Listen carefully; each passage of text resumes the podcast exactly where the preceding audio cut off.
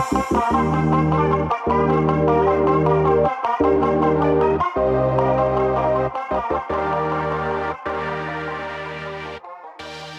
hey hey, welcome to Hot Tea Fantasy Podcast. За юу яцгаана? NBA-гийн маань 6 дахь 7 хоног маш сайхан болж өнгөрлөө. Тэгээд өмнөх 7 хоногийн хувьд бол маш гайхалтай тоглолтыг үзүүлж исэн. Джеймс Харденгийн хувьд мөн нэг үдэш галзуурч 60 оноо авсан ийм тоглолтыг үзүүллээ. Мөн олон хүний гайхшруулад байгаа Лука Дончичийн хувьд гайхалтай үлрэлээ өргөжлүүлсээр байна. Тэгээ мөн Лос Анжелес Lakers NBA-г ихтгэл төгс тэргүүлсэн хэвээр байна. Тэгээд өмнөх 7 хоногт болсон хамгийн одоо нэг том мэдээ гарсан гэх юм бол NBA-д удахгүй маш том өөрчлөлт, шинжилэлт ирэх гэж байгаа гэдгийг Адриан Вожнаровский анх мэдээлсэн. Энэ нь болохоор мэдээж би өөрийнхөө пэйжн дээр бичсэн дөрвөн том шинжилэлт ирэх гэж байгаа гэсэн ийм одоо мэдээ мэдээл гарсан байгаа. Зүгээр тэгээ товчхон хэлэх юм бол үлрэлийн тоглолтыг 78 хүртэл цөөлөх. Тэгээд хагас шишээг дахин хуваарлах буюу одоо хагас шишээ тоглолтод бүс хамаарахгүйгээр амжилтаар нь гэж хоорондоо тоглох ийм юм яригдж байгаа. Мөн тэр мөн олон багт плей-офф орох боломжтой болгож байгаа. Тэр нь болохоор 7-оос 10 байранд бичигдсэн багууд одоо дахин одоо плей-оффын тоглолт хийж плей-офф руу орох ийм юм яригдж байгаа. Тэгээд мөн сүүл сүүлд нь бол сүүлд нь бол улирлын дондох тэмцээн бас болж магадгүй. Ийм одоо том том шинжилэлт хөдөлгөөн ер нь өрнөх гэж байгаа. NBA болон тоглогчдын холбоо телевиз гэсэн энэ гурван байгууллага маш хүчтэй энэ асуудлыг ярилцж байгаа. Ер нь их нааштайгаар ярилцж байгаа гэсэн юм мэдээлэл байгаа. Тэгэхээр ер нь энэ шинжилтүүд удахгүй болчих байх. Тэгээд дараа удирлаас юм уу тэрний дараа удирлаас эхлээд цоошин NBA-г харж магадгүй болоод байна. За тэгээд подкастаар маань юу ярьдгийг надаар хэлүүлдэг хүмүүс мэдж байгаа бах. Тэгэхээр олон юм нуршилгүй шууд подкаст руу оръё.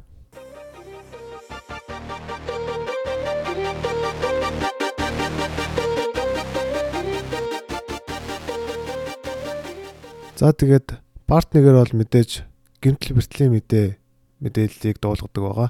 Энэ 7 хоногийн хувьд бол том том бэртэл гимтэл маш багтай ийм сайхан 7 хоногос болж өнгөрлөө. За тэгээ эхний мэдээ нэх юм бол энэ жилийн драфтын номер 2 сонголт Jam Morant-ийн хувьд нуруундаа бэртэл авснаар 7 хоногоос 7 хоногийн хугацаатай гэдэг ийм онш гарсан байна. Тэгээд яг түүний оншийг болохоор яг back spasm буюу одоо монголоор бол нурууны таталт гэх юм уу тэгж орчуулахаар байгаа. Сүүлийн үед бол энэ back spasm-аас ер нь маш олон тоглогч нар энэ өнжиж байгаа ийм бэртэл байгаа. Тэгэхээр Jam Morant-ийн хувьд бол азар бас тэгж удаан хугацааны гэмтэл биш гэж харагдаж байна. 7-оос 7 хоног гэдэг энэ мэдээллийг харах юм бол ер нь 2-7 хоног өнчих байх гэж зүгээр хувьдаа бас таамаглаж байна. Ягаад гэвэл Jam Morant бол Memphis багийн ер нь гол ирээдүйн тоглогч. Тэгэхээр түүнийг бас энэ жилиг шиг ийм одоо амжилт муутай үлрэлдэ ер нь тэгж бэртлийн хурдан гэдгээж хурдан талбай дээр гарах ер нь шаардлагагүй гэж нь харж байгаа. Тэгэхээр Jam Morant-ийн хувьд бол нэг 2-7 хоног бол наадал нь ер нь талбайн гадуур хөнчих ийм магадaltaй байна. За тэгээд мэдээж Morant-ийн байхгүй үед бол фэнтези дээр маш цоорж түүний минутыг авч сайн тоглох тамирчин бол мэдээж Tyus Jones байгаа. Тэгээд Tyus Jones-ийн хувьд бол хэрвээ минут олдох юм бол ер нь маш сайн холбогч тоглолтыг бас маш сайн балансчулдаг. Тэгээд өөрөө их багийнхныгаа их бөмбөөр хангадаг ийм одоо сайн холбогчлоо. Зүгээр яхан нуруу их намтай. Тэр нь бол NBA-д бол жоохон сул тал болдоод байдаг болохоос биш. Ур чадрын хувьд бол маш сайн холбогч. Өнөөдөр Memphis-ийн хувьд бол тоглолт хийсэн байгаа. Moranti эзгүүд. Тэгээд Tyus Jones бол шууд гараанд гал тоглосон. 25 минут тоглосон санагдаж байна. Тэгээд 12 оноо, 4 самбар, 7 ассист, 1 стил гэсэн ийм одоо үзүүлэлтүүдийг өрн үзүүлсэн. Тэгэхээр Tyus Jones-ийн хувьд бол хамгийн одоо гол сайн стат үзүүлэх стат нь бол мэдээж стил болон ассист байгаа.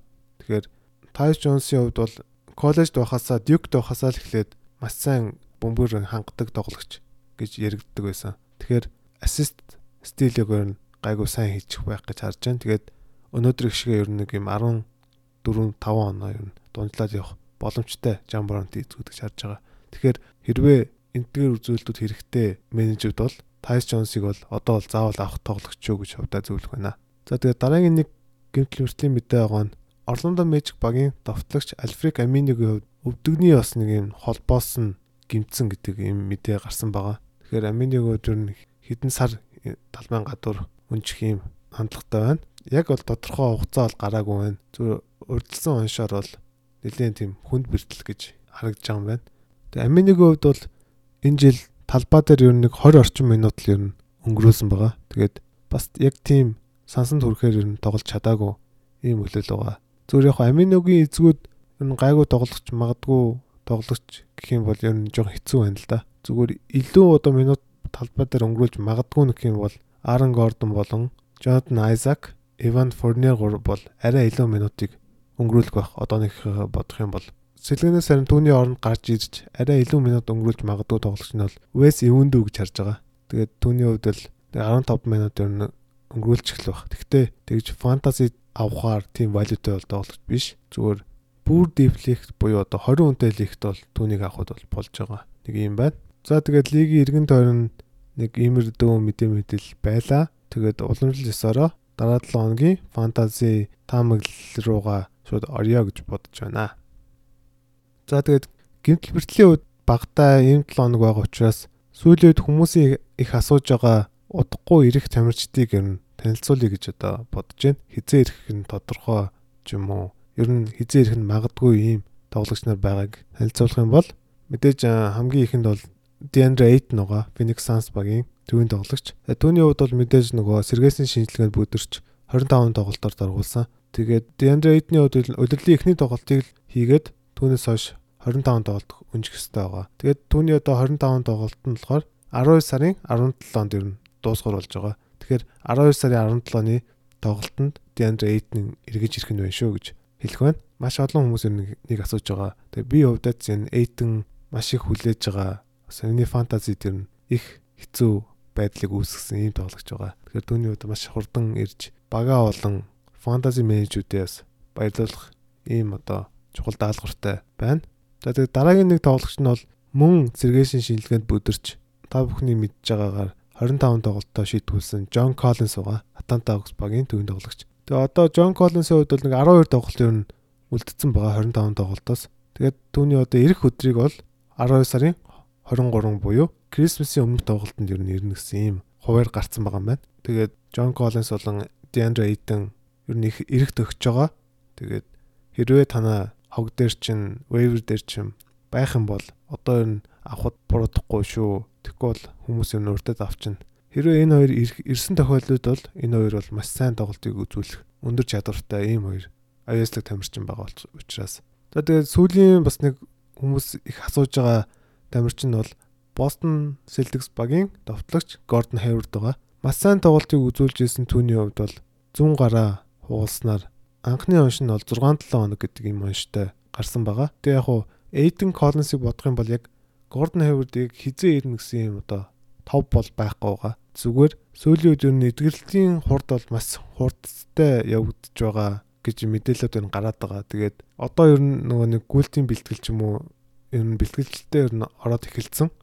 Зүгээр яг контакттай бэлтгэлд арай орж амжааг байгаа. Гэхдээ ер нь түүнийг ер нь хугацаанаас арай өмнө ирчих байх гэж мэрэгчлүүд ер нь харж байгаа юм билэ. Тэгэхээр 12 сарын дунд буюу одоо 15 хавцаа ер нь ирчих магадгүй шүү гэж одоо зарим аналистууд энэ харж ялээ. Гэхдээ ер нь цаадалтаа ер нь Крисмсийн өмнө бол түүний хувьд бол ирчих байхаа гэж хувьдаа харж байна. Тэгээд энэ гурван тоглож хэрвээ одоо тий waiver дээр чинь хог дээр чинь байх юм бол бас аваад сташ хийгээд хадгалчихад ер нь буруудахгүй шүү гэж зөвлөх байна. За тэгээд дараа 7 хоног буюу NBA-гийн 7 дахь 7 хоногийн багууд хідэн тоглолт хийх хуулийг танилцуулъя. Дараа 7 хоногийн хувьд бол 4 тоглолттой, 3 тоглолттой, 2 тоглолттой гэсэн ийм хууль байгаа юм байна. За тэгээд эдгээрээс хол хамгийн их нь буюу 3 тоглолттой 16 баг байгаа юм байна. 4 тоглолттой 12 баг, 2 тоглолттой 2хан баг байгаа юм байна. За тэгээд дөрвөн тоглолттой багуудыг танилцуулах юм бол Charlotte, Chicago, Dallas, Denver, Indiana, Lakers, Miami, Phoenix, Philadelphia, Portland, Sacramento, Washington гэсэн ийм 12 баг байгаа юм байна. Тэгэхээр эдгээр багуудаас хэрвээ тоглож авах юм бол ер нь сайн үзүүлэлтүүдийг үзүүлэх магадaltaй юм байна.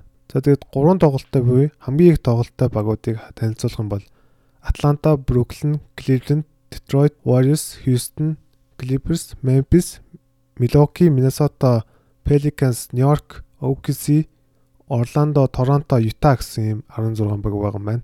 За тэгээд хамгийн бага тоглолттой буюу хоёрхан тоглолттой багууд нь бол Boston Spurs гэсэн ийм хоёр баг байгаа юм байна. Тэгэхээр одоо Lamarcus Aldridge-тэй, DeMar DeRozan-тэй, DeJounte Murray-тэй, Boston-гоос одоо Kemba Walker-тэй, Gordon Hayward-тэй, Jalen Brown-тэй, Jason Tatum-тэй энэ багууд бол ер нь бас жоохон муу үзүүлэлтүүдийг нь үзүүлэх магадaltaй юм байна. За тэгээд мэдээж дараанд нь бол хэд өдөр хэд тоглолтыг мэдээж танилцуулдаг байгаа. Тэгэхээр мэдээж нөгөө quality days-тэй өдөр, quality days-гүй өдөр гэдэг энэ энэхүү өдрүүдийг бас харцдаг маш чухал юм фэнтези менежүүдэд байдаг байгаа. За тэгээд нэг дахь өдөр бол 6 тоглолттой, хоёр дахь өдөр 7 тоглолттой, гурав дахь өдөр 10 тоглолттой, дөрөв дахь өдөр 4 тоглолттой, тав дахь өдөр 10 тоглолттой, хагасаа өдөр 5 тоглолттой, бүтэнсээ өдөр 8 тоглолттой гэсэн юм хуваартай байгаа юм байна. Тэгэхээр quality days буюу чанартай өдрүүд нь юм бол нэг дахь буюу 6 тоглолттой, хоёр дахь 7 тоглолттой, дөрөв дэх 4 тоглолттой, хагасаа 5 тоглолттой гэсэн ийм дөрвөн quality days байгаа юм байна.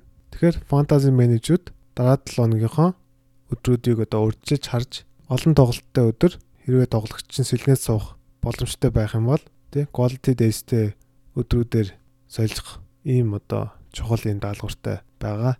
За тэгээ мэдээж уламжлал ёсороо дараа 7 хоногт сайн тоглож магадгүй 5 тоглогчийн мэдээж танилцуулдаг байгаа. Тэгэхээр эдгээр 5 тоглогчдыг харж агаад хэрвээ танаа waiver дээр ч юм байх юм бол эдгээр 5 тоглогчийг нь авал дажгүй үзүүлэлтүүдийг үзүүлэх магадaltaй шүү гэж хэлэх байна. За тэгээд хамгийн ихэнд бол мэдээж Dallas Mavericks багийн хамгаалагч, шидэгч Тим Хардвей Жуниорыг онцлсан байгаа. Түүнийг Яхуу эзэмшигчдийн 40% нь эзэмшиж байгаа юм байна. Тэгээд сүүлийн үед ер нь Тим Хардвей Жуниор маш сайн тоглолтыг үзүүлж байгаа. Сүүлийн хэдэн тоглолтондоо 20.2 оноо, 2.8 ассист, 1.8 самбар, 1.6 стил гэсэн ийм одоо дажгүй үзүүлэлтүүдийг нь үзүүлж байгаа. Тэгээд Лука Дончич гэдэг ийм одоо авьяаслаг тамирчинтай цуг тоглож байгаа учраас маш их нөгөө сул шидэх боломж үүсэж байгаа. Тэгээд Лука Дончич гэсэн багаар нь маш сайн тоглож байгаа учраас тим ард үж өнөр нь сүүлүүд нь гэлэлдэж байгаа гэж хэлэх байна. Тэгээд сүүлийн тоглолтын дараа Рик Карлайл дасалжуулагчийн хувьд түүнийг түүний довтлогоо гэхгүй нь хамгаалт маш сайн байгаа гэж одоо магтсан байна лээ. Тэгэхээр тим ард үжинэрийн шидэлт нь ороод байгаа учраас одоо ийм хот байгаа дээр нь ер нь авахд буруудахгүй шүү гэж одоо зөвлөх байна. Тэгээд түүнийг ер нь гайгүй Shallow лигт 12 хүнтэй лигч юм авахд буруудахгүй гэж харж байна. Мэдээж Dallas Mavericks багийн хувьд бол дараа 7 хоногт дөрөв тоглолттой учраас дэжгүй үзүүлэлтүүдийг нь үзүүлэх магадaltaй гэж хэлэх байна. За тэгээд хоёрт нь болохоор Miami багийн хүчний давтлагч Kelly Olynyk-ийг онцлсан байгаа. Түүнийг Yahoo эзэмшигчдийн 42% нь эзэмшиж байгаа юм байна. Olynyk-ийг бас хэдэн 7 хоногийн өмнө бас нэг онцолж байсан. Тэгээд тэрнээс хойш нэг сайн тоглож чадаагүй. Тэг өнгөрсөн 7 хоног бол маш сайн тоглосон Olynyk-ийн хувьд бол сүүлийн одоо 3 тоглолтондоо бол 16.3 оноо, 8 самбар, 1 ассист, 1 стил, 2.3 3 шидэлтийг 66.7%-тай шийдснээр дунджилж байгаа юм байна. Тэгээд мөн минут нь жоохон ихсэж 28.6 минутыг талбайд өнгөрүүлж байгаа юм байна. Тэгээд яагаад Олникийг онцлсон бэ гэхээр Мэрс Ленердийн хувьд нь сүүлийн хэдэн тоглолтод их муу байгаа. Маш муу байгаа. Тэгэхээр Эрик Спойстеро тасалжуулагчийн хувьд бол Олникийг гаргасан нь илүү ашигтай байгаа учраас түүнийг нь ашиглаад байгаа. Тийм учраас одоо хот байгаа дээр нь Гэлний Олникийг авах юм бол дэжгүй сонголт болно шүү гэж хувьдаа зөвлөх байна. Мэдээж Майами багийн хувьд дөрөв тоглолттой учраас тэгэхээр оноо самбар 3 шидэл тэгээд мөн довтлогооны хувьд ч юм уу эдгээр үзүүлэлтүүдийг нь дэжгүй үзүүлэх магадaltaй гэж хэлэх байна. За тэгээд 3 дугаар байранд бол Oklahoma City Thunder багийн төвийн тоглогч Nerlens Noel-ийг онцлсан байгаа. Тэгээд Noel-ийн хувьд бол Яхаа эзэмшигчдийн 43% нь түүнийг одоо эзэмшиж байгаа юм байна. Тэгээд ер нь өвлөл гэснээс хойш Noel ер нь маш сайн байгаадсан. Ялангуяа сүүлийн 3 тоглолтонд 8.3 оноо, 5.3 самбар, 2.7 блок, 66.7%-тай довтолж байгаа гэсэн ийм үзүүлэлтийг үзүүлсэн байгаа. Гэхдээ Новелийн хувьд бол минутын хязгаарлалттай тоглоод байгаа. Тэр нь одоо гимтлээс нь болоод байгаа юм уу? Тэр яг сайн мэдэхгүй нь яг уу. Мэдээж Стивен Адамс гэдэг ийм шавар урд нь бол байгаад байгаа. Тэгэхээр одоо нэг тоглолтод бол нэг 20 минутыг л өнгөрөөж байгаа. Гэхдээ тэр 20 минутанда маш өр бүтээлтэй байж сайн статыг өгж байгаа. Ялангуяа блок бол сайн өгж байгаа. Тэгээд OKC-ийн тоглолтыг энэ 7 хоногоос ер нь үзлээ л дээ. Стивен Адамсыг ер нь сольж магадлал ер нь маш их байгаа юм байна гэж хувьдаа зүгээр харсан. Адамсыг талбай дээр байхад ер нь тийм ашигтай ер нь байж чадахгүй байгаа. Тэгээд түүнийг одоо энэ гайг үн үрж байгаа дээр нь одоо энэ өвлийн цонхоор ч юм уу түүнийг бол явуулчих байх. Бостон руу ч юм уу, Альбаг руу ч юм уу ер нь явуулчих байх гэж харж байна. Тэгэхээр Адам сэрвээ явчих юм бол нөгөөлийн хувьд бол маш том боломж гарч ирнэ. Маш сайн тоглолтыг үзүүлэх ийм магадaltaй болно. Тэгэхээр зүгээр би хувьдаа бол зүгээр Адамсыг ер нь явна гэж зүгээр хардаад байгаа. Тэгэхээр нөгөөлийг одоо аваад гэдэг дарчхад ер нь буруудахгүй сонголт болно. Тэгээд ч ер нь өөрөө их дажгүй их тоглож байгаа. Өгси тандрын хувьд бол дараалалгийн хувьд 3 тоглолттой байгаа. Тэгэхээр нөгөөлийг авахд ер нь буруудахгүй шүү гэж хэлэх байна. Ялангуяа хамгаалтын үзүүлэлтүүд блок довтлооны өв хэрэгтэй хүмүүст бол сайн сонголт болно гэж хэлэх байна. За тэгээд дөрөвдүгээр байранд бол Portland Trail Blazers багийн довтлагч Родни Хүүдийг онцлсан байгаа. Түүнийг Яхоо эзэмшигчдийн 18% эзэмшиж байгаа юм байна одоогоор. Тэгээд Хүүдийн хувьд бол Мело ирснээс хойш ер нь маш сайн тоглолтыг үзүүлж байгаа. Тэгээд сүүлийн 3 тоглолтондоо бол 16.3 оноо, 3.3 самбар, 2.7 ассист, 2.73 шидэлтийг 62.1%-тай довтлогоогоор хийж байгаа гэдэг амар үзүүлэлтүүдийг үзүүлж байгаа. Тэгээд түүний минутын цэцээ өссөн 30.5 минутыг бас энэ гурван тоглолтонд дунджилсан байгаа. Родны үдийн үед ягаад ингэж тоглолтод сайжирч ба гэж зүгээр харах юм бол мэдээж Мелотой бол маш холбогдолтой. Мело ирснээр нөгөө эсрэг багийн хамгаалалт Мело руу их шахдаг болсон. Тэгэхээр Родны үдийн үед сул одоо довтлогоо хийх маш их боломж гарч байгаа. Ялангуяа одоо Дэм, CG, Мело гэдэг ийм гурван довтлогооны сайн тамирчин байгаа учраас түүнийг юу нэг суулаа орхиж байгаа.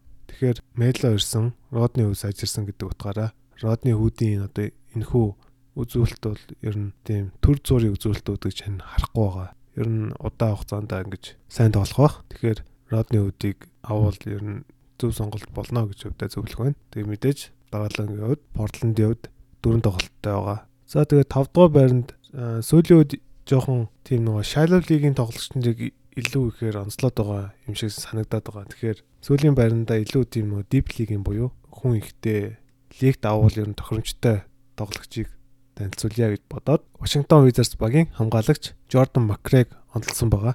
Jordan McCraig онцлсан байгаа. Тэгээд түүнийг одоогоор Yahoo эзэмшигчдийн 5% эзэмшиж байгаа юм байна. Тэгээд Jordan McCraig-ийн хувьд бол сүүлийн ер нь нэг 4 5 тоглолтын дээр маш сайн тоглож байгаа.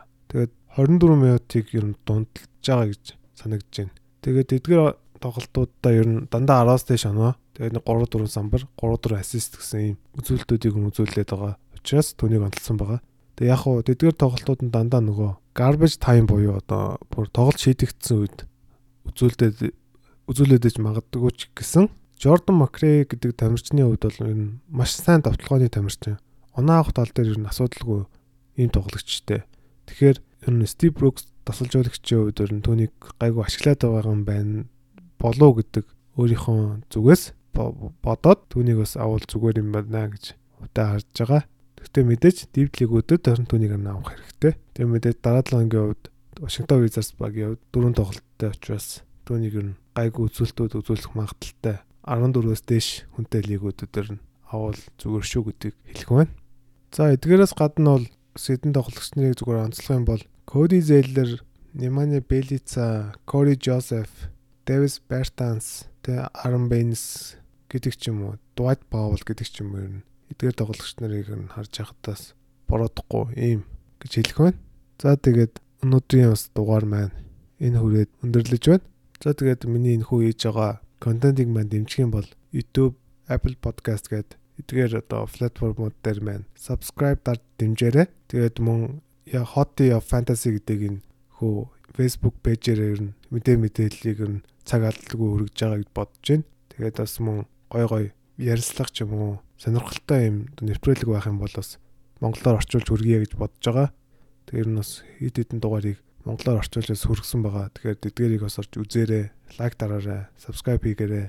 Тэгээд мэдээж коммент бичээрэй те. Тэгээд таалагдчих юм бол бас найзууд руугаа шеэрлээрэй гэж хүсэх байна. Тэгээд мэдээж дараа 7 өдрийнхөө дугаараар эргэж уулзлаа. Баяр таа.